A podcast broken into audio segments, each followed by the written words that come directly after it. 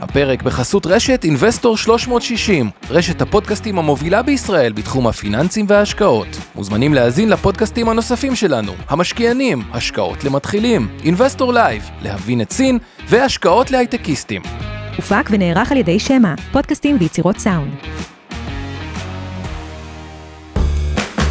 השקעות למתחילים אבנר סטפק ועומר רבינוביץ' עוזרים לכם בצעדים הראשונים בעולם ההשקעות.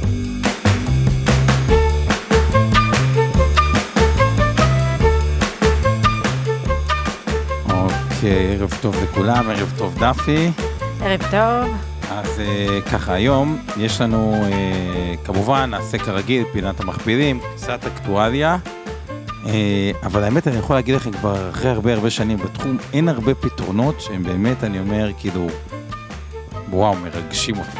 ברמה של, כאילו, אתה אומר, וואלה, משהו מיסויי, או משהו מתחילת, ה, מבחינת התכנון הפיננסי, שהוא באמת, כאילו, מרגש. שכאילו, שאתה יודע שכל מי שתציע לו את זה, ובאמת זה קרה שעוד רגע דפי גם תציג את עצמה, כל הכוח שאני מטפל בו ברמה האישית, או שדפי מטפלת פה, מתכנת פיננסית ברמה האישית, הוא פשוט אומר, וואלה, אני רוצה את זה, ווואלה, זה גם באמת יפה. זה באמת כאילו אלגנטי, זה פותר כמעט את כל הבעיות התכנוניות, גם תשואה טובה, גם תזרים גבוה, הכל. באמת פתרון מאוד מאוד יפה.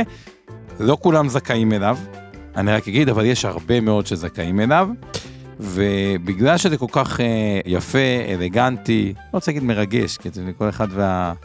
מה שמרגש אותו אה, בחיים, אבל כאילו יש בזה משהו מן המרגש. אמרתי שאת הפודקאסט הזה נתחיל מהפתרון הזה, ומכאן, אחרי זה נעבור לנושא של אה, פינת המכפילים. בשביל זה איתי פה נמצאת דפי צבר שתציג את עצמה, שהיא גם עשתה הכי הרבה כאלה מהפתרון שנציג בהמשך אה, בפירמה. אז דפי, קודם כל בואי ככה שכולם יכירו אותך, ואז נצלול. טוב, אז ערב טוב ונעים מאוד. אני בת 43, נשואה עם שני ילדים. אה, גרה בזיכרון יעקב, וכבר 18 שנים בתחום. אה, יש לי תואר ראשון אה, בהצטיינות מבן גוריון, תואר שני במנהל עסקים, רישיון כמובן מטעם משרד האוצר לתחום הפנסיוני ו-CFP, הסמכה בינלאומית לתכנון פיננסי. בחמש שנים האחרונות אני פה באינבסטור, מתכננת, וב-13 שנים שלפני אינבסטור בעצם עבדתי הרבה שנים בגוף מוסדי גדול, אה, הקמתי שם בתפקיד האחרון את מנהלת הידע, אה, שזה הגוגל הארגוני, אה, שבו מוצאים את התשובות לשאלות של לקוחות, של סוכנים. זהו, ואני מאוד אוהבת את התחום שלנו, האינסופי, שיש בו הרבה חידושים. כן, אז היום באמת אנחנו בחידוש אולי המחדש ביותר, אבל לפני זה בוא נתחיל מהבייסיק. מה בעצם הבעיה הפנסיונית?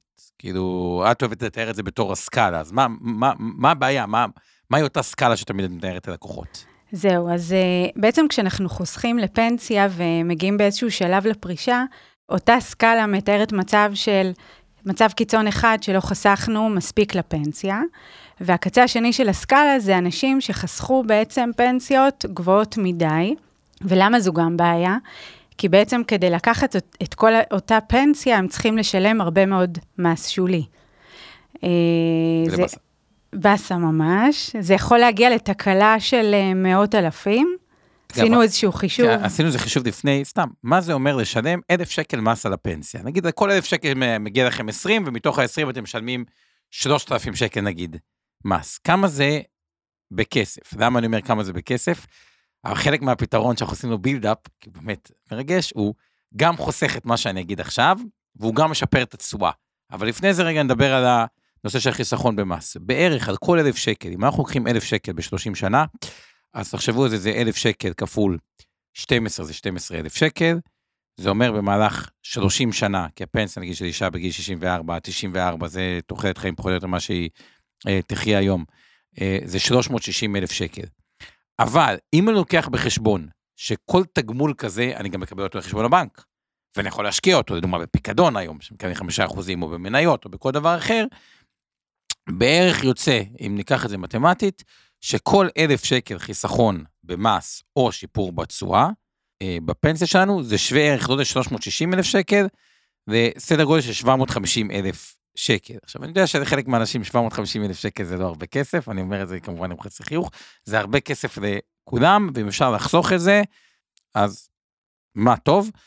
אז מה בדרך כלל, לפני שנגיע לפתרון המתקדם, מה בדרך כלל המתכנן פיננסי הקלאסי, אצלנו באינבסטור, בכלל במדינת ישראל, מה בדרך כלל הוא ממליץ ללקוחות שלו לעשות, לאור בעיית הסקאלה נקרא לה.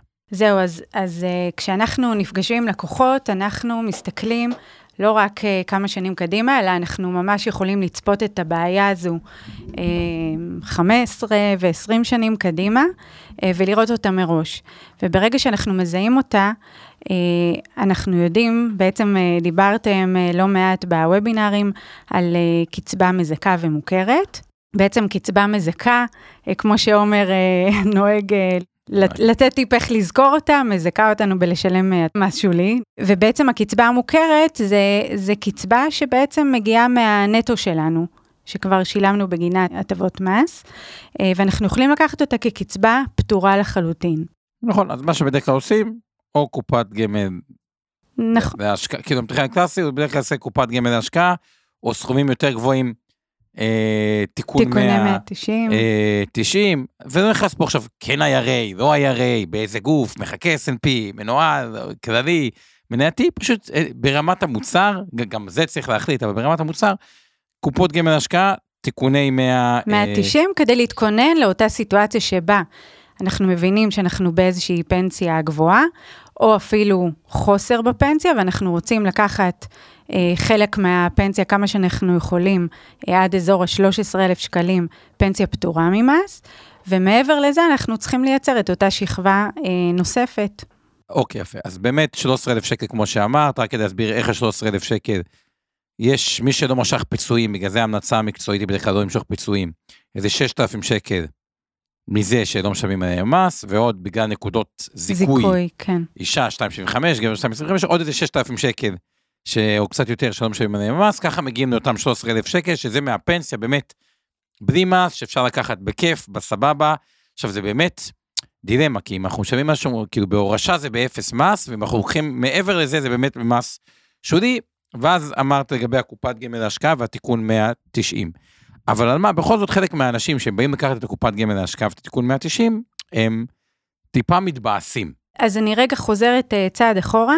בעצם אנשים שואלים אותי, אז מעבר ל-13,000 שקל, מה אני עושה עם כל מה שנצבר? אז אני רק uh, פותחת פה סוגריים, בעצם את כל מה שנצבר מעבר לזה, אפשר להוריש לילדים באפס מס. או לבת זוג. או לבת הזוג, או לבן הזוג. או תלוי מי. נפתח, בדיוק.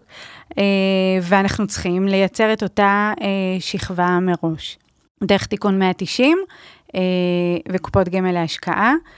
אה, ואז בעצם מה, מה מבאס? שאתה לוקח את הכספים האלה מהשקעות קיימות שלך, שבדרך כלל מושקעות במניות, אה, בפרויקטים, בצועות גבוהות.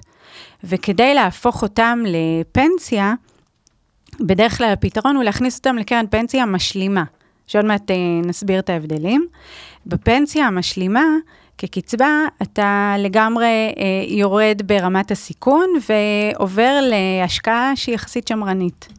אז אה, נכון, ועל זה הרבה מתבאסים, אני רק אחדד את זה, כי לא הרבה חושבים על זה, כי אומרים, אוקיי, יופי, אני אעשה קופת גמל להשקעה, אני אשקיע ב-S&P, או אני אשקיע ב-IRA במניות, או בהשקעות אלטרנטיביות, או, או כל דרך השקעה אחרת, אבל כשמגיעים לפנסיה, זה בדיוק מה שדפי אמרה, בעצם זה בשביל ליהנות מאותו אפס מס, במקום מהמס 25% ריאלי בקופת הגמל ו-15% נומינלי בתיקון 190, זה גורר בתוכו הפחתה משמעותית של הסיכון, ובתוך המקדמים או בתוך הפנסיה או, או מגולם, כנראה שתוחלת התשואה תהיה מאוד מאוד נמוכה, כי הפנסיה למקבלי קצבה היא... מאוד שמרנית. היא מאוד אה, אה, שמרנית, היא בעיקר אה, הרבה גם אג"ח אה, אה, מדינה. ואז יש לנו בעצם את הדילמה, ועוד רגע נגיע לפתרון הגאוני שדפי מובילה, שאומרים ככה, אם אני רוצה ליהנות מאפס מס על פני הרבה שנים, שאני מבין שזה טוב, וגם אני רוצה ליהנות מאפס מס על הפנסיה הרגילה שלי, בהורשה, כאילו לפעול כל החיים באפס מס, גם על הפנסיה הרגילה, וגם לקחת קצבה מוכרת, אני מזכיר, קצבה מוכרת זה לא המזכה שמזכה אותנו במשהו לי, אלא השנייה, אז בעצם אני חייב להיות סולידי מאוד בפנסיה, בעיקר באג"ח אה, מדינה. ולך יש איזשהו פתרון שפותר את זה, שבעצם משאיר אותנו, את כל הטוב הזה של לקבל את זה פנסיה באפס מס, מה שנקרא פנסיה מוכרת, להשקיע לאורך המון המון תקופה מאוד ארוכה, אפשר להתחיל מגיל 40, 50, 60, כל אחד והגיל שלו שנראה מתי הוא זכאי, גם לצבור כסף באפס מס, להוציא אותו באפס מס, רק לא בצורה נמוכה, אלא בצורה גבוהה. אז איזה תשואה ואיך עושים את זה, ו- ואחרי זה מי זכאי לזה? אז קודם כל אני אתן איזשהו רקע למי שלא לגמרי מתמצא. אה, בקרנות הפנסיה אה, יש לנו שני עולמות, קרנות פנסיה כלליות או משלימות, ואת הקרנות פנסיה המקיפות, שזה בעצם הרובד הראשון אה, שמפרישים לנו ממקום העבודה. עכשיו, בתוך הקרנות פנסיה המקיפות, המדינה מייצר, יצרה ממש עד לפני שנה סוג של סבסוד. אה, של אג"ח מיועדות, אה, שנתנו 4.86 צמוד למדד. אה, נכון לאוקטובר 22, היה איזשהו שינוי רגולטורי, שבעצם הפך את, ה, את אותם אג"ח מיועדות, חוסך לתקציב המדינה בעצם כספים, ויש שם איזשהו מנגנון של הבטחה. של 5.15 פלוס מדד. בדיוק, קצת יותר גבוה אפילו. אז לציבור החוסכים, מי שעדיין חוסך ולא יצא לפנסיה, אה, הוא זכאי ל-30 אחוז אותה הבטחת תשואה, ולמי שפורש, זכאי כבר ל-60 אחוז. כלומר, לפורש מקרן פנסיה, פנסיה מקיפה, מקיפה, יש 60 אחוז אג"ח מיועדות של 5-15 פלוס מדד, שבוא נגיד המדד, קשה לנחש מהו, ובוא נניח רגע שהוא באזור השלושה אחוזים. ממוצע, אה, כן. ממוצע לאורך זמן, למרות שכל אחד יכול לשחק עם מספרים, יכול לקחת ארבע, יכול לקחת שתיים, כל אחד עם העדפות שלו, זה באזור השמונה אחוזים, שבתיאוריה, אם הדבר הזה גם היה פטור ממס, אז זה כאילו מבטיח לנו לכל החיים, על 60 אחוז מהכסף, שמונה אחוזים פטור ממס, שזה מדהים. נכון. עכשיו, בעקבות אותו סבסוד שהמדינה נותנת לנו, היא מגבילה את הסכום שאותו אנחנו יכולים להפריש לקופה הזו. זאת אומרת, אה, המגבלה היא 20.5 אה, אחוז מפעמיים שמ"פ, שזה יוצא 4,866 שקלים לחודש. מעבר לזה, אנחנו לא יכולים להפקיד לאותה קרן פנסיה מקיפה. מה שנפקיד מעבר לזה בעצם גולש למשלימה. נכון, שזה נותן לו בערך 58 אלף שקל אה, לשנה. לשנה, שאפשר להפקיד לקרן פנסיה מקיפה. נכון. אה, ואז בעצם מה אנחנו רוצים לעשות? לנסות להבין איך אנחנו מנצלים את אותה תקרה עבור סכומים הרבה יותר גבוהים. זאת אומרת, אה, אוקיי, חסכתי בתיקון 190 עכשיו 2 מיליון שקלים, איך אני מעבירה אותו ומקבלת את אותה הפנסיה שאני מצפה לה מהקרן המקיפה. מקיפה. אז, אז רק, רק שכולם ניישר קו רגע על הבעיה, אוקיי? כל מי שהיום אה, נקרא לו שכיר בהייטק, אה, או גם הרבה עצמאים, אבל יותר בתחילת הדרך, כלומר חבר'ה יותר צעירים, נקרא לזה 40 ומטה, הם כבר מראש מבינים שקרן פנסיה מקיפה היא המקום להיות בו. אבל יש את כל החבר'ה שבעבר יש להם או ביטוח מנהלים, או פנסיה תקציבית, או פנסיה ותיקה. אה, וכו', ואין להם בכלל את הקרן פנסיה המקיפה, אין להם כן. רובד של קרן פנסיה מקיפה, כלומר, הם לא ייהנו מאותה הטבה של לקבל את ה-60 אה, אחוז אג"ח מיועדות בפרישה, אבל בתיאוריה, אם הם יכלו לקבל את זה, כלומר, הם יכלו גם ליהנות מהיתרונות של קופת גמל להשקעה וגם מהיתרונות של תיקון 190, כלומר, לא לשלם מס בשוטף, לשים את הכסף בסוף. כלומר, הגאונות פה, שעוד רגע נראה בפתרון, זה אפשר לקחת את אותו כסף של קופת גמל להשקעה ותיקון 190 עם כל ההטבות, שזה בגדול דחיית מס, אבל אם יכולנו במקום לקחת את זה בסוף, מאותה קרן פנסיה כללית, או משלימה מה שנקרא, שזה המסלול אה, מאוד שמרני ועם תשואות נמוכות, או בעצם משקיע הרבה כסף באג"ח מדינה, שאג"ח מדינה נותן בערך 0 פלוס אה, מדד, אם יכולנו להשקיע את זה במקום באג"ח, לקבל פנסיה, במקום שמבטיחה לנו 0 פלוס מדד, אלא 5-15 פלוס מדד, מצבנו היה הרבה יותר טוב, וחלק מהאוכלוסייה יכולה לעשות את זה. נכון, וגם מאוד תורם ליציבות. זאת אומרת, ברגע שאנחנו מקבלים פנסיה שהיא אה, עם 60 אחוז עוגן, ויש תנודתיות בשוק, אז אה, אנחנו גם מקבלים היא, פנסיה היא מאוד יותר, יציבה. גם יותר גבוהה וגם יותר יציבה.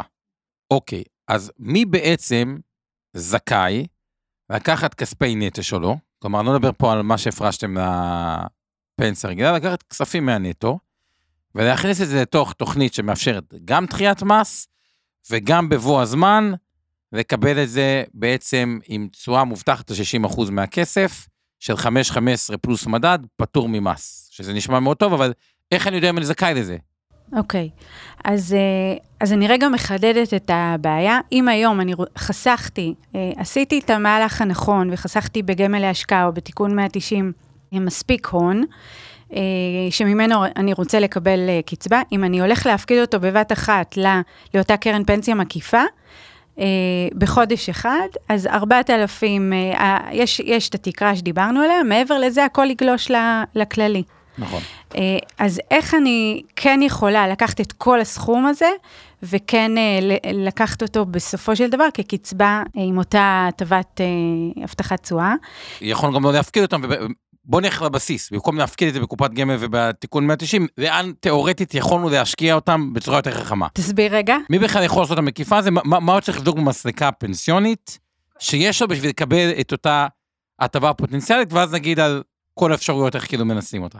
אוקיי, okay, אז קודם כל, אה, מי שכבר חסך במקיפה ויש לו שם אה, סכומים ואולי ניצל את התקרות, אה, הוא פחות רלוונטי. יותר רלוונטי אוכלוסייה שחסכה אה, לפנסיה בביטוחי מנהלים, בקרנות פנסיה ותיקות אה, וכולי. עכשיו, אם יש לכם קופת גמל, בעלת ותק של אה, 10, 20, 30 שנה אחורה, במידה ואתם מניידים אותה לקרן הפנסיה, קרן הפנסיה מקבלת איזשהו ותק אה, ותיק יותר, אוקיי? ואז בעצם מה שאפשר לעשות מראש, במקום להתחיל לחסוך בתיקון 190 חדש עם ותק חדש, אה, אפשר לגמרי למצוא את אותה קופת גמל אה, ותיקה. אה, זה יכול להיות אפילו איזושהי קופה עם 3,000 שקלים, 1,000 שקלים, משהו שהפקדתם או הפקידו לכם סבא וסבתא, או, או פתחתם בתקופה שהבנקים אפשרו לפתוח. קופה, ואחרי 15 שנה היא נזילה, אז... בדיוק, מה שדפי אמרה עכשיו, ויש הרבה לקוחות שעשינו ביחד, בעבר היה קטע שהפקדת לקופת גמל, אם אחרי 15 שנה לא משכת, זה כאילו פטור ממס. ואז היה מבול, הרבה מכם היו שחלק יודעים שיש להם את זה, וחלק לא יודעים שיש להם את זה. מה זה הדבר הזה? היה לנו מישהו שאמר לי, תשמע, אין סיכוי שיש לי את זה, ובמקרה רע, וואלה, הפקידו לו אלף שקל בשנת 82 כשהיה בצופים, ווואלה, היום האלף שקל זה עשרת אלפים שקל, אבל לא משנה, יש לו ותק מ-82. נכון. למה הדבר הזה כל כך חשוב, הנושא של הוותק הזה?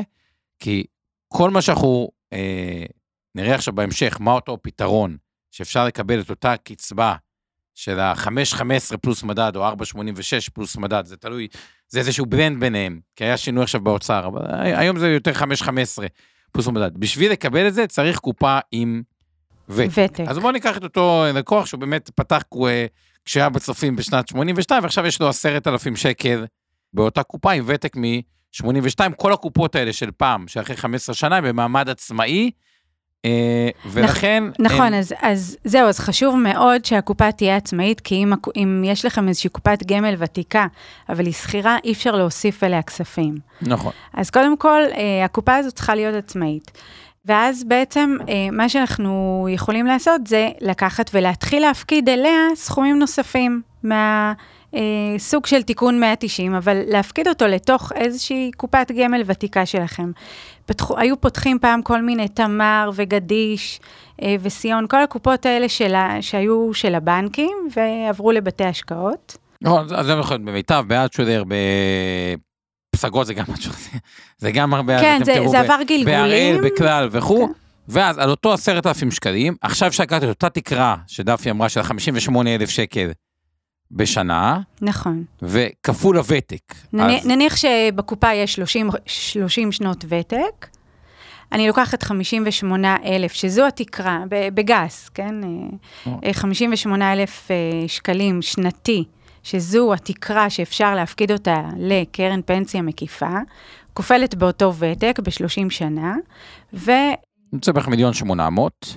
נכון, מיליון שמונה מאות שקלים. קצת פחות, אבל אוקיי. מעגלים, וברגע שאני מניידת אותה לאותה קרן פנסיה מקיפה, בעצם אני הרווחתי כאן את כל הוותק של ה-30 שנה אחורה, ואין לי שום גלישה למשלימה. הכל, בעצם אותה קרן פנסיה מקיפה יודעת לקבל את כל הוותק עם, עם התקרה של היום.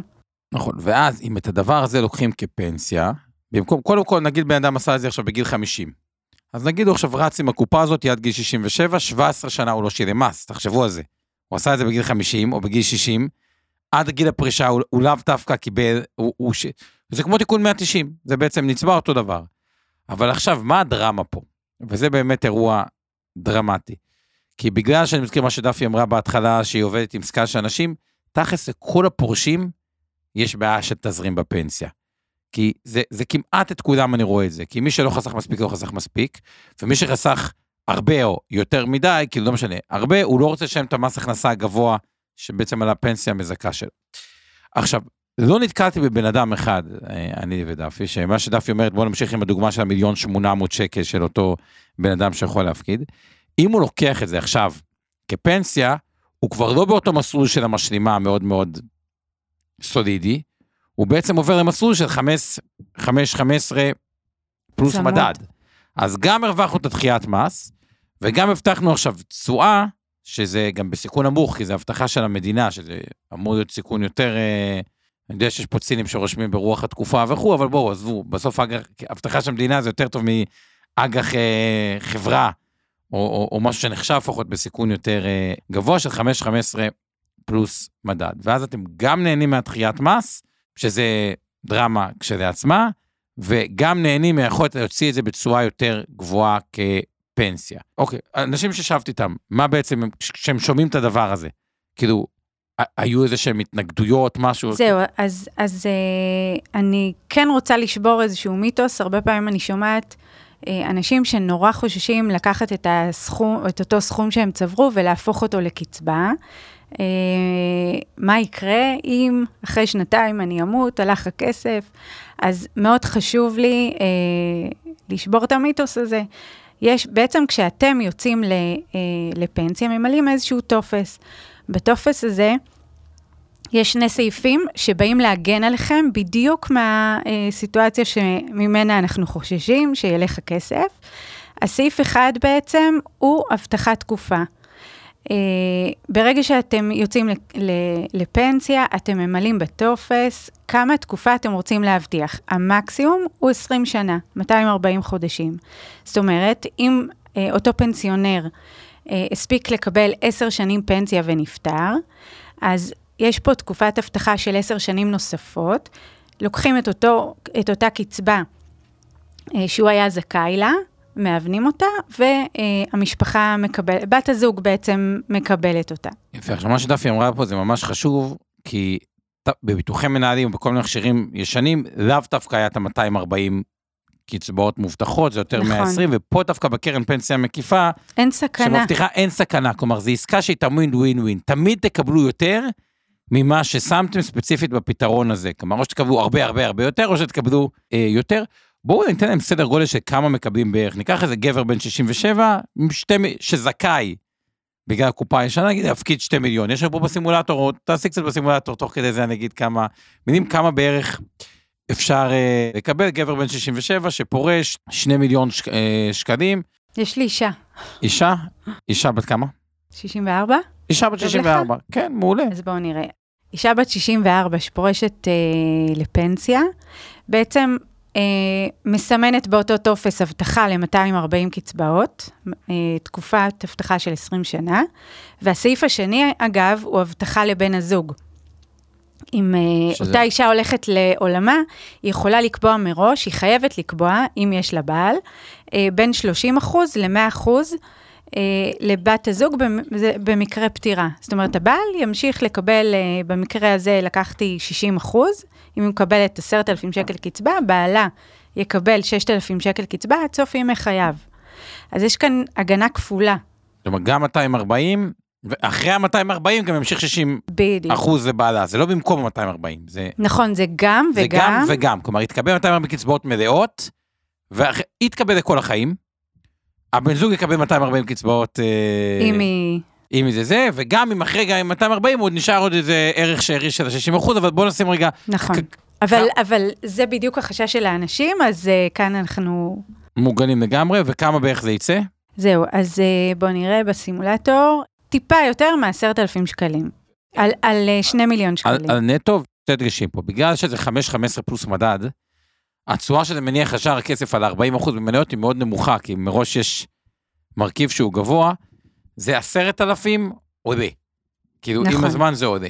עכשיו, אין אף דירה בישראל שבכלל מתקרבת למספר הזה, אה, של שכר דירה על 2 מיליון של עשרת אלפים עולה. גם דירות ב, כמו בזיכרון, שנגיד, לא יודע, שווה נגיד 4, משהו כזה, אבל בשכירות כמה זה נותן? 8,000 שקל, 9,000 שקל, כאילו, אה, פה 2 מיליון מקבלים 10,000, וזה לכל לכל החיים, החיים, עם הגנות. עם הגנות, אף פעם אפשר להפסיד כסף, וזה תמיד בערך אה, עולה. זהו, אז, אז אם שניהם אה, נפטרו, נניח שהאישה קיבלה אה, עשר שנים, נפטרה, הבעל ממשיך לקבל את ההבטחה, את ההבטחה המלאה, את ההבטחה המלאה, כאילו לפי 240, כן, את העשרת אלפים, זה לא שמקצצים אותו ל-60. זה הוא ימשיך לקבל את העשרת אלפים. נכון, השלמה ל-240 קצבאות, אה, ואם הוא הלך, אז בעצם המוטבים ממלאים בטופס מוטבים לאותה תקופת אבטחה. אם הבעל, לא, אם בן הזוג לא קיבל, הילדים יקבלו. אוקיי, אז בואו נראה ככה עוד קצת שאלות שנעבור עליהן. אה, שואלים לגבי קיבוע זכויות. אגב, קיבוע זכויות באופן כללי זה דבר מאוד מאוד חשוב. את רוצה להגיד משהו, מילה לגבי קיבוע זכויות? שאלו... כן, אה, כל מי שנשים בסביבות גיל, זה, זה תלוי בתאריך הלידה המדויק, אבל בסביבות גיל 63, וגברים מגיל 67, זכאים להטבות מס ברגע שהם מגיעים לגיל הזה.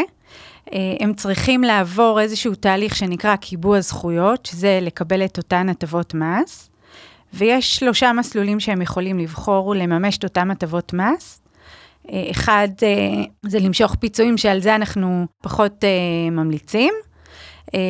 אנחנו כן אוהבים לקחת את כל הטבת המס על, על הפנסיה, בעצם על להקטין את המס השולי. להקטין את המס השולי על הפנסיה, ואז, אה, ואז בעצם מגיעים אותם 13,000 שקלים שדפי דיברה עליהם בהתחלה. נכון, נכון. מי שמשך פיצויים אה, במהלך תקופת העבודה, אה, אות, אותם 13,000 הופכים להיות 7,000. כן, שזה... אה, זה, אה... זה נורא מקטין, אז תיזהרו לא למשוך פיצויים, לקחת אותם כקצבה.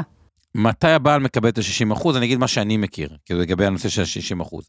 האישה תקבל 100% עד סוף ימי חייה, אם היא הלכה לפני 240 קצבאות, הגבר ימשיך לקבל במשך 20 שנה את כל ה-100%. נכון, עד ההשלמה. עד ההשלמה, אבל עדיין, גם אם הגבר יחיה יותר מ-20 שנה אחרי האישה, לא קורה בדרך כלל, אבל who knows, אז עדיין הגבר יקבל את ה-60% ולהפך. כלומר, זה מכשיר עם כל ההגנות בעולם, ובגלל התשואה הגבוהה שיש באג"ח המיועדות, גם המקדמים שלו מאוד מאוד טובים. אם כבר, מי ששאל, אם כבר משכתי פיצויים ונשארו לי פחות מ-32 שנות עבודה כדי לתקן את הטעות. אכלתי אותה באסה לבכות אמר גורלי, או שיש דרך לתקן את זה? סורי על הקצת... אה. אז uh, יש כאן איזשהו אלמנט, מי שמשך ב... אם היא משכה ב-15 שנים האחרונות, אז זה נכנס ל... לנוסחה, לאותה נוסחה. אם היא משכה את זה לפני... לפני 15 שנה? כי היא רושמת לפני 15, אז זה לא פחות מ-32 שנים לעבוד? זה איזושהי תקופת מעבר. אם היא, אם היא ביצעה את המשיכה לפני יותר מ-15 שנה, זה לא פוגע בה. אוקיי, אז ליאורה, קודם כל אני מקווה שמשכת אה, 15 שנה, כי אז זה לא פוגע בך. או, ליאורה, איזה באסה. קצת פחות מ-15 שנה. היא כותבת, אה, זה, כן, כנראה שעשית טעות, אבל... אה, בסדר, עד, עדיין יש לך... אה, יש לך איזשהו פטור, וזה כפול זה, פטור, זה קצת... כן. אה, מתי, אגב, זה לא נכון רק לפני הפרישה, מה שאמרנו. יש עוד נקודה שמישהו שאל עליה, יש לנו גם לקוחות שהם בני 70 או 67, שאומרים, תשמע, בינינו, אם התוכנית שמבטיחה לי 5-15 פלוס מדד, או 4-86 פלוס מדד, איך מסתכלים על זה, נקרא לזה 5 פלוס מדד, אני הייתי לוקח אותה anyway. ואז הם פשוט עושים פנסיה, אם, אם יש שם את הקופת גמל, אותה קופת גמל מהצופים, אני אומר את זה במרכאות, אבל זה גם יכול להיות גם בני עקיבא, ויכול להיות כל... אה, אה, אה, שהיינו שהייתם אה, יותר אה, צעירים, אז אפשר גם לקחת פנסיה לקצבה מיידית. ואז מה זה בעצם? נכון, לא הרווחנו את הדחיית מס, שאם היינו מפקידים את זה לפני בגיל 50 או 40 או 55, אבל עדיין, רוב האנשים שאנחנו מטפלים בהם, ואני אומר, גם כאלה שהיה להם רק מיליון שקל, וגם אני אקצין את זה לקוח שיש לו 60 מיליון שקל. כלומר, אותו סקאלה של הפנסיה, לכולם, בין אם יש לכם הרבה כסף או מעט כסף, לכולם יש את אותה בעיית תזרים בפרישה, והרבה מהם פשוט אומרים, אם אני זכאי למשהו שנותן לי 5-15 פלוס מדד על 60 אחוז מהסכום, אה, אני רוצה את זה במיידי. כאילו, הם לוקחים פשוט פנסיה לקצבה נכון, זה... מ- אה, מ- מיידית, בלי קשר להטבות מס שאם היית עושה לפני, גם היו... נכון. מי, ש, מי שמפקיד את זה מבעוד מועד ומספיק מספיק לייצר שם אה, רווחים כמה שיותר משמעותיים, ובסופו של דבר לוקח את זה כקצבה חודשית, הוא פטור על, אה, ממס על כל הרווח שנוצר. ומי שלוקח את זה כקצבה מיידית, עדיין עושה עסקה, כאילו... נכון. הרוב אגב, חלק גדול מהכוחות פשוט אמרו לנו, יאללה, אני יכול סוף נכון, 5-15 אנשים- פלוס אה, מדד לכל החיים, יאללה, בוא נעשה את זה עכשיו במיידית. נכון, אנשים מאוד מאוד חשוב להם, שיהיה להם את התזרים השוטף, הקבוע, האמין, שנכנס להם כל חודש, אה, נותן להם אה, שקט נפשי, אה, משחרר גם את יתר התיק, אה, בעצם להיות מושקע בהשקעות... אה, אה, יותר נכונות. יותר נכונות? נכון. מישהו שתזרים חלש, בדרך כלל מה שדפי אמר, הרבה מהכסף שיושב בפקדונות או בזה, כי הוא תמיד חרד לתזרים שלו. מי שבצס כמו תזרים חזק, גם יכול להשקיע שאר הכסף יותר אה, אה, נכון. מי שנמצא כבר בפנסיה איתן מעל גיל 67, יש לנו אנשים בני 70 שעשו את זה, גם 72, אה, נכון. 68, מי שכבר בגיל 80 אולי קצת יותר אה, אה, פחות אה, מתאים, אז איתן רק תרשוב את הגיל. במה מושקע שאר ה-40 אחוז? יפה. אז פה, בגלל שכבר מראש יש חלק גדול שהוא מובטח ב-60 אחוז, אה, אז יש גם נושא של כאילו מניות וכו' ונכסי אה, אה, כספים סיכון. שכן, מנוהלים. אה, מנוהלים. מאיזה שנה צריכה להיות, סיגל שואלת, קופת הגמל? אז שוב, ככל זה, יש לנושא של, אה, לא, אין, סיגל, אין מס על הקצבה. הרבה מהקופות האלה אצל ההורים שלי, נגיד עכשיו מצאתי קופה משנת 82, אוקיי? זה מאוד תלוי מי הפקיד לכם את הכסף, אז זה, הרבה מזה זה יהיה אלה שהפקידו בעקבות אותם 15 אה, שנה פטור ממס. הפקידו הרבה פעמים סכומים קטנים, אגב, זה לא תמיד קופות גדולות. ראיתי קופות של 7,000, 30 אלף, 100 אלף, כאילו, אנשים לא מודעים שיש הם- להם את זה אפילו במסלקה, הם לא מודעים שיש להם את זה במסלקה. זה פעמים זה נותן להם ערך מטורף. קופות קטנות וכו'. אה, לגבי אילן, אם גבר זכאי ל-10,000 והאישה 11, ששניהם אותו דבר, ועוד 5,000 ביטוח לאומי, זה 26,000 שקל, נכון, זה די נאה, אבל קודם כל יש כאלה שזה לא מספיק להם אם אתה לוקח בחשבון את ההוצאות השוטפות. רוב האנשים בפרישה, אני אגיד לכם איזה, מה אנחנו שמנו אה, לב, ואז אני כן רוצה לתת קצת על אה, מכפילים. אה, נגיד גם תזרים של 20 מספיק, אוקיי? אבל בשוטף. אבל מה לא לוקחים בחשבון? לא לוקחים בחשבון תמיד שפעם בחמש שנים או פעם בזה מחליפים רכב, ופעם בחמש שנים טיפול עיניים, שיניים, בעיה לילד הזה, אחר, אה, חו"ל, חו"ל משפחתי, חו"ל עם נכדים, אם מישהו פעם לוקח את כל הנכדים, גם זה פעם בחמש שנים, זה עדיין סכום גדול. והפער בין התזרים לצריכה הבסיסית שלנו, שיכול להיות גם 15 או 20, לבין מה שיוצא דה פקטו, אם לוקחים בחשבון את הסיוע לילדים, ו- כל מיני תקלות וכו', בדרך. ותקלות, או, או סתם, שיפוץ מטבח זה פעם בעשר שנים. כל דבר כזה הוא פעם בעשר שנים, אבל מצטבר זה כל שנה, זה הרבה פעמים צריך להכפיל את זה ב-1.7, 1.8. אז זה כאילו נראה מספיק, אבל את כל הבלת"מים זה לא מספיק. ואז אם יצרת תזרים שהוא אקסטרה, זה מאוד משפר, ובאחד זה בחמישה אחוז פלוס אה, מדד. יפה. כותב פה מישהו בן 73 עם תמר עתיקה מ-85, כמה ניתן להשקיע. אז בואו נעשה את החישוב ביחד. אם התמר שלך היא 85, 85 עד 2023, אוטוטו 2024, אנחנו מדברים פה על 30 ו... כמעט 40 שנה. 40 שנה כפול 58 אלף אה, שקל, 2, 2, 2, 2, 3, שזה לא מעט אה, כסף. אגב, בגיל 73 זה מקדמים ממש טובים, כלומר, אתה תקבל פנסיה ממש ממש אה, חזקה. יפה, ליאת, לחדד את זה. ליאת כותבת, אבל אמרת שתזרים גבוה בפנסיה זה בעייתי. קודם כל תזרים הוא לא בעייתי, הוא טוב. הבאסה הוא לשלם על זה מס גבוה. כל התרגיל שדפי הסבירה עכשיו, זה איך לוקחים כספים מהנטו שלנו, מפקידים אותם בפנסיה מוכרת דרך אותה קופת גמל עם הוותק, במקרה של אה, איתן משנת אה, 85, ואז במקום לקחת את זה כקרן פנסיה משלימה או כללית, שהתשואה לאג"ח שמה היא נמוכה, כי זה אג"ח מדינה, מקבלים את זה ב-5-15 פלוס מדד, שזה תשואה הרבה יותר גבוהה, מה שאומר, מקדמים יותר טובים, יותר יציב, יותר אה, הכל, שזה הפתרון המרגש. ואז זה פטור ממס כי זה פנסיה מוכרת. הפנסיה המזכה שלנו, כן, שאנחנו לא לוקחים שלא אותה. לוקחים, פטורה ממס כי בירושה היא עוברת באפס מס, ואז כל אחד מבני הזוג מגן אחד על השני, שכל אחד מהם מקבל את זה באפס אה, מס ושחרר את הכסף, ובעצם פועלים כמעט כל החיים עם כל הכסף שלנו באפס מס, ויוצרים לעצמנו תזרים חזק שמכניס הרבה יציבות ושקט אה, נפשי. כותב פה גיא, האם קופת גמל עם הוותק שהורשה מבן הזוג היא גם רלוונטית ותופסת לעניין, שזו שאלה ממש יפה. אה, אז אה, קופות גמל שעוברות בהורשה בעצם הופ- הופכות להיות אה, הוניות, והקופה ננעלת להפקדות חדשות. הן הוניות, הן חייבות ב-25% מס, והן אז זה נ... אי אפשר, אפשר להוסיף. אי אפשר להוסיף. אה, ליאת אומרת את הדבר הבא, אם כבר עשיתי איחוד של הקרנות הקטנות לפנסיה, אז זה כבר אבוד?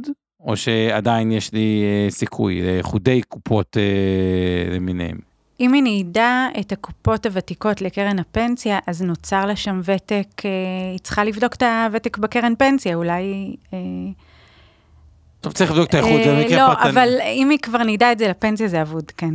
יש סיכוי שזה אה, אה, נת שואל, בהנחה שלא צריך למשוך קצבה, אז אני אגיד לך את הדבר הבא, אני לא נתקעתי בבן אדם שלא צריך תזרים, כאילו, בפרישה, אבל נגיד אתה לא צריך תזרים, נניח, יאללה, זורם איתך, אוקיי, אתה לא צריך תזרים, עדיין, 5% פלוס מדד, פטור ממס, זה אחלה השקעה. קח את התזרים שזה מביא לך, ותשתמש בו למה שאתה רוצה.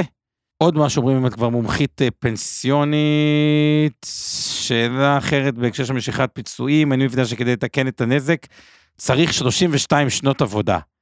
האם זה משנה את 32 שנות העבודה כעצמאית או, כשכ- או כשכירה? כלומר, כדי לתקן את הוותק פיצויים בגלל שהיא מסכה את הקופת ב-15 שנה? וואו, זה נשמע סופר פרטני. אוקיי, פרטנית תשלחי, תשלחי נחזור אה, לנו. תשובה. אה, אז האם כדאי להעביר מביטוח מנהלים את התהליך הזה? חשוב, התהליך הזה שאנחנו אומרים כאן, זה לא קשור לביטוח מנהלים משכיר לשכיר. כל הרעיון זה, פשוט תחשבו על זה כקופת גמל להשקעה, סלש תיקון 190, משודרגים. זה כספי נטו, שבמקום להכ- להכניס אותם למכשיר, שבסופו של דבר אנחנו יכולים לקחת ממנו רק קצבה מוכרת מקרן פנסיה אה, כללית, כללית, ומשלימה כן. עם אג"ח מדינת ישראל, בין היתר מרכיב עיקרי בתשואה נמוכה, ליהנות מאותה דחיית מס שיש בקופת גמל להשקעה או תיקון 190, ולקבל את זה בעזרת פנסיה מקרן פנסיה מקיפה עם תשואה משמעותית יותר גבוהה ויותר יציבה.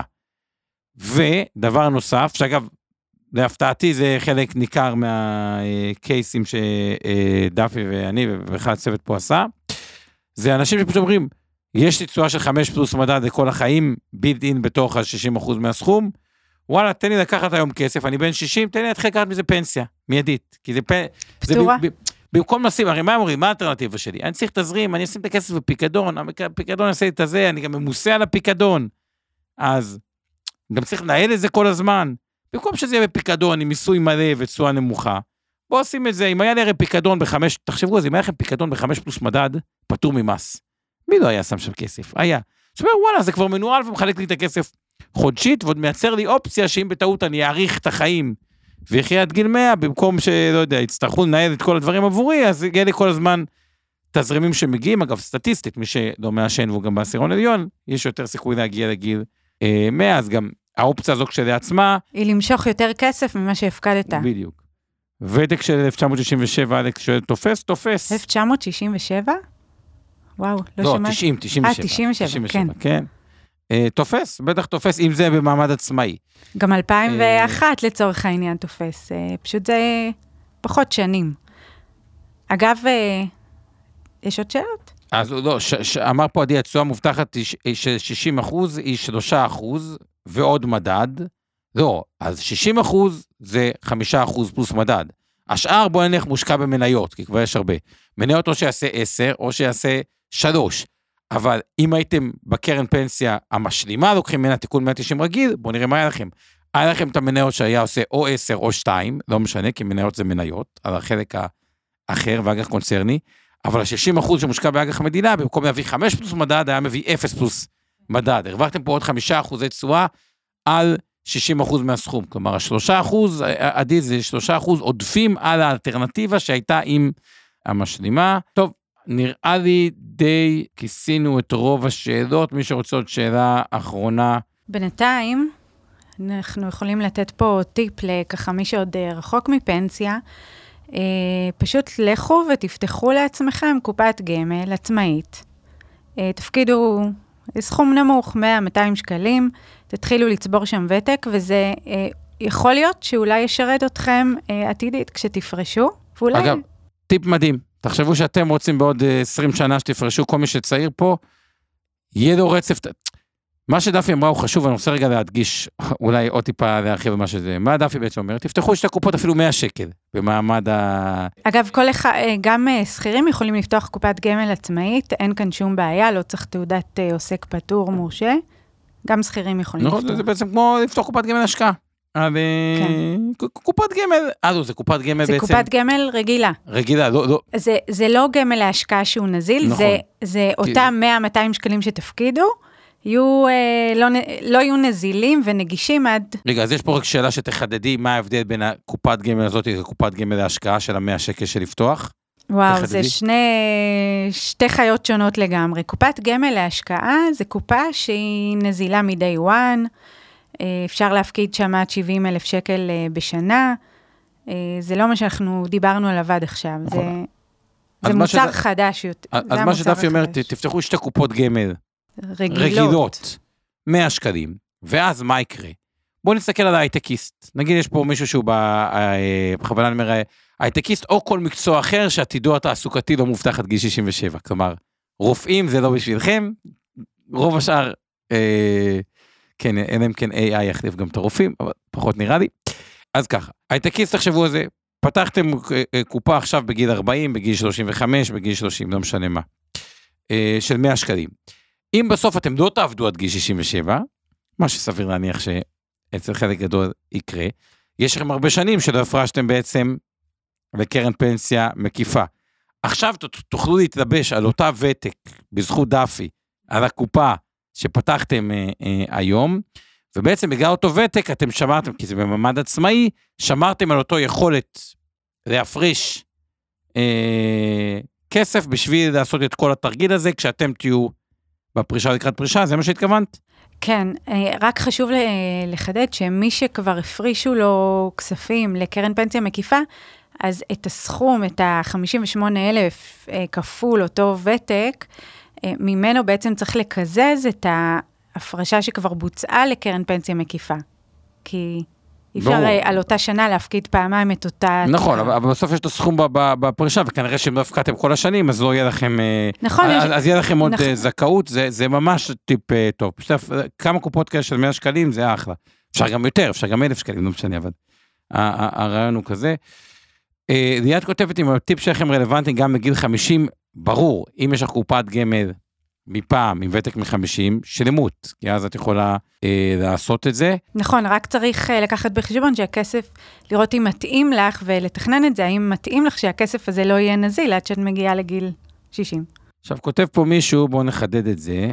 כמה, אם מישהו הפסיק לעבוד ויש לו עוד הרבה שנים עד הפנסיה, מה המינימום שהוא צריך אה, להפריש, או גם האם הטיפ שנתת, אגב, לקופת גמל אה, אה, רגילה לעשות, מה, מה המינימום שהוא צריך להפריש עצמאית לפנסיה, כדי לשמור על הזכויות הפנסיוניות וכדי שחברות הביטוח אה, של הפנסיה לא יקפיצו את דמי הניהול. אה, כאילו הוא עשה אקזיט, הוא כותב לי פה מישהו, עשיתי, עשיתי בוכטה, לא משנה אקזיט, עכשיו אני רוצה לשמור על הזכויות שבקרן פנסיה אני לא אה, עובד. א', האם הטיפ שלך לגבי הקר... הקופת לא, גמל. זה שני דברים שונים. מגינה, לא, הוא, הוא, הוא, הוא גם נכון עבורו, וגם מה הוא צריך בשביל לשמור על הזכויות. Uh, הזכויות הכוונה לכיסויים הביטוחיים שיש כן. לו.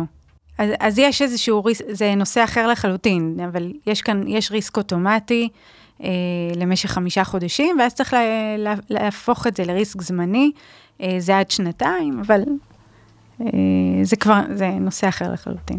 אה, אני בן 67, עדיין עובד, כמה אני יכול להפקיד לקופת גמל במעמד עצמאי מדי שנה? שוב, התרגיל הזה, אילן, אם אתה בן 67, צריך לבדוק אם יש לך קופת גמל עצמאית. לא לכולם יש. מפעם, לא לכולם יש, אבל יש הרבה שכן. אם יש לך קופת גמל במעמד עצמאי שהייתה ותיקה, עליה אתה יכול להפקיד 58 כפול הוותק, שזה יוכל להיות בקרן פנסיה, בקיזוז.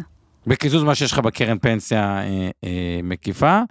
אה, אבל הרבה אין להם קרנות פנסיה מקיפות, אני רואה ביטוחי מנהלים, יש להם זה, ותיקות, כן, יש דור, אה, תקציביות. דור שלם שאין זה, לו זה, את ה... זה דור שלם שאין לו את המקיפה, ואז ליהנות מדחיית מס, פלוס כשתרצה לקחת, או אפילו במיידי ב-67, ליהנות מאותה 5% פלוס מדד, על 60% מהכסף, שהשאר הכסף אה, מושקע. דותן, מי שמקבל כבר תקציבית היום, אחלה, יש לנו לקוחות קיבלו תקציבית היום, אה, ואז, עוד פעם, אם יש לך את הקופה הוותיקה, קיבלת תקציבית, אתה ממשיך, זה כל עובדי רפאל, אלבי, תעשייה אווירית, יש שם את התקציביות שלהם, את הוותיקות שלהם, ועכשיו הפסיקו את זה, יש שם איזה פנסיית גישור, ואז הם מתחילים, תקן אותי דותן אם זה המקרה שלך, הם ממשיכים להפריד לקרן פנסיה מקיפה. עדיין, אם יש קופת גמל מפעם, אתה יכול להפריש הרבה לקרן פנסיה מקיפה, כי רוב השנים לא הפרשת לקרן פנסיה מקיפה, אז באופן יחסי זה המקרה. אז כן, דותן כותב, באמת אני מאחד המקומות רפאל תעשייה אה, המקרית, ויש גמל ישנה, מעולה תשאיר את הטלפון, זה קלאסי בשבילך.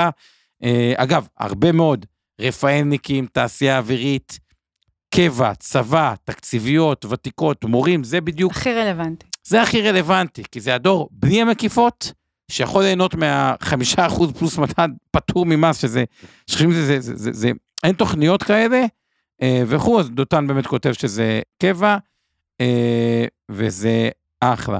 מי שזה רלוונטי, או שרוצה שיבדוק, אז היה לנו פה את המסלקות, אם הייתם בעבר במבצע מסלקות, פשוט תכתבו לנו בכל אחת מהדרכים, או תשאירו פה פרטים ויעשו לכם מסלקה, וצריך לבדוק ספציפית האם יש לכם את הקופת גמל העצמאית של פעם. זהו, בבקשה, אל תעשו את זה לבד, תתייעצו קודם, אה, כי לא תמיד זה, זה מתאים, ו, וצריך לבחון כל מקרה לגופו. נתנו פה איזשהו אה, רעיון כללי. אה, שואל פה עוד שתי שאלות, איתן, האם יכול להכניס את הכסף למקיפה בחלקים? כלומר, יש קופה ישנה, האם אני יכול להפקיד את זה בחלקים?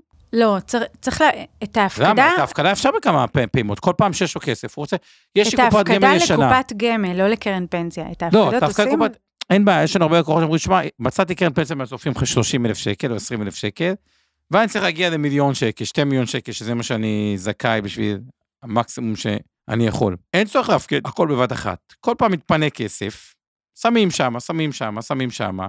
בינתיים זה בתחיית מס אם אין- זה סכומים אינסופית. גבוהים, אז כן, כי יש את אה, ה-35 אלף, נכון, שזה... שזה בקופה- נצבע כמזכה. נכון, אז לא, לא להפקיד ממש סכומים כן, לא- קט- קט- קטנים, אבל... אה, לא אה, עשרות אלפים, אלא בבת אחת סכומים משמעותיים. עכשיו שואל פה דני, מי שיש לו מקיפה קיימת, פותחים חדשה לנושא, אז שוב, עוד לא פותחים כלום, זה בסך הכל לקחת את הקופת גמל הישנה של פעם, להפקיד אה, אליה. אגב, זה ממש מתקדמים שיש שם קרן פנסיה מקיפה, ויש שם קופת גמל ישנה. יש עוד תרגיל שאפשר לעשות שהכל באפס, אבל לא נרחיב אותו עכשיו, ואני רק אתן למי שככה ממש לא מתקדמים. כי אפשר תיאורטית המקיפה, לעבור לאיזה קופת גמל רגילה, ואת זה להוריש באפס, ולקחת את הפנסיה מהמוכרת, גם באפס אה, מס. אם אני מעל גיל 60 ועושה את התרגיל הזה לפנסיה מקיפה, ניתן ש... שהכסף יישאר שם מבלי לקבל פנסיה וליהנות מהתשואות. קיצר נאס זה פרטני, אבל הרבה פעמים זה הכי משתלם פשוט לקחת פנסיה מיידית, כאילו לגילאי 67-70, כי זה, תחשוב עוד פעם, תוכנית חיסכון שנותנת 5% פלוס מדד על 60% מהסכום, השאר גם מושקע, פטור ממס. אגב, בקרנות הפנסיה גם שינו דמי הניהול מחצי אחוז ל-0.3, אז גם זה תוכנית חיסכון בדמי ניהול מאוד מאוד זולים באופן יחסי, עם אופציה להתארכות תוחלת חיים, ככל נת, אה, נתן שאתה כותב שאתה לא מעשן, אז זה עוד יותר אה, לטובתך. אגב, מעניין, היום בדיוק ככה למי שמכיר, היה את הדיון בבג"ץ, לא התעדכנתי לגמרי במה שהיה שם לעומק, אבל לפחות שוק ההון קיבל את זה בצורה די בסדר היום בארץ, כלומר לא היו אה, דרמות, אפילו טיפה אה, עליות. אה, איך להגיע לדאפי? תשאירו פה את הטלפון, כל מי שזה רלוונטי אצלו, או רוצה מסלקה, או רוצה שנבדוק את הנושא הזה של האם זכאי מתוקף קופה ישנה לתרגיל, משאירים הודעה, תשאירו אנחנו חוזרים. אליהם. אוקיי, שתי מילים על פינת המכפילים, נעשה אותה היום אה, זריז, דווקא כבר תישארי פה, כי זה ככה אה, הסוף. האמת, לא כזה השתנה מפעמים אה, קודמות. כן, מה שצריך אה, לשים לב אליו, אגב, גם בישראל זה מבחן מעניין, בעיקר נעדכן את זה שבוע הבא עם כל מה שקורה ורחש גש ומה שקורה פה בארץ, זה איך תופסים את הסיכון במדינת ישראל, שזה יתבטא באג"ח.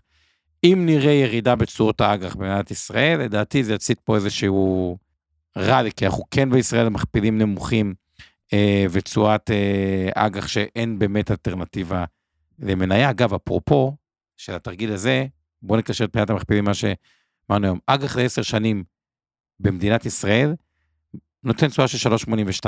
אז זה מה שאתם תקבלו כשאתם יוצאים לפנסיה דרך קרן פנסיה משלימה. גם עושים תיקון 190 קופת גמל. אג"ח מיועדות, מה שהיה פעם, היום זה איזה מנגנון אה, טיפה שונה, זה 5-15 פלוס מדד. בוא נגיד שהמדד אפילו רק 3 אחוזים. זה הבדל בין 8, 2 אחוזים, לא משנה. 7 ל-3.82, שתבינו איזה תשואה עודפת מטורפת על אותה מדינה, על אותה ישראל, ובגלל זה זה כן משהו שהוא דרמה, זה כאילו גם שיפור בתשואה עם כל האפס אה, מס ופותר את בעיית התזרים. טוב, אז פינת המכפילים, לא הרחבנו היום אה, יותר מדי, גם לא היה איזה שינוי, ה-S&P 19.3, נסדק 29 מכפיל עתידי, אה, תל אביב אנחנו עדיין סביב ה-10, הבנקים כן עשו איזה מהלך די יפה אה, בימים האחרונים, עדיין מכפילי הון מתחת לאחד, ונרחיב על זה כבר בשבוע הבא. תודה לכולם. תודה לך, טובה. דפי. שנה טובה, שנה טובה, דפי, שנה טובה למאזינים. לילה, לילה טוב. טוב. מעוניינים ללמוד יותר על עולם ההשקעות? האזינו לפודקאסטים נוספים שלנו.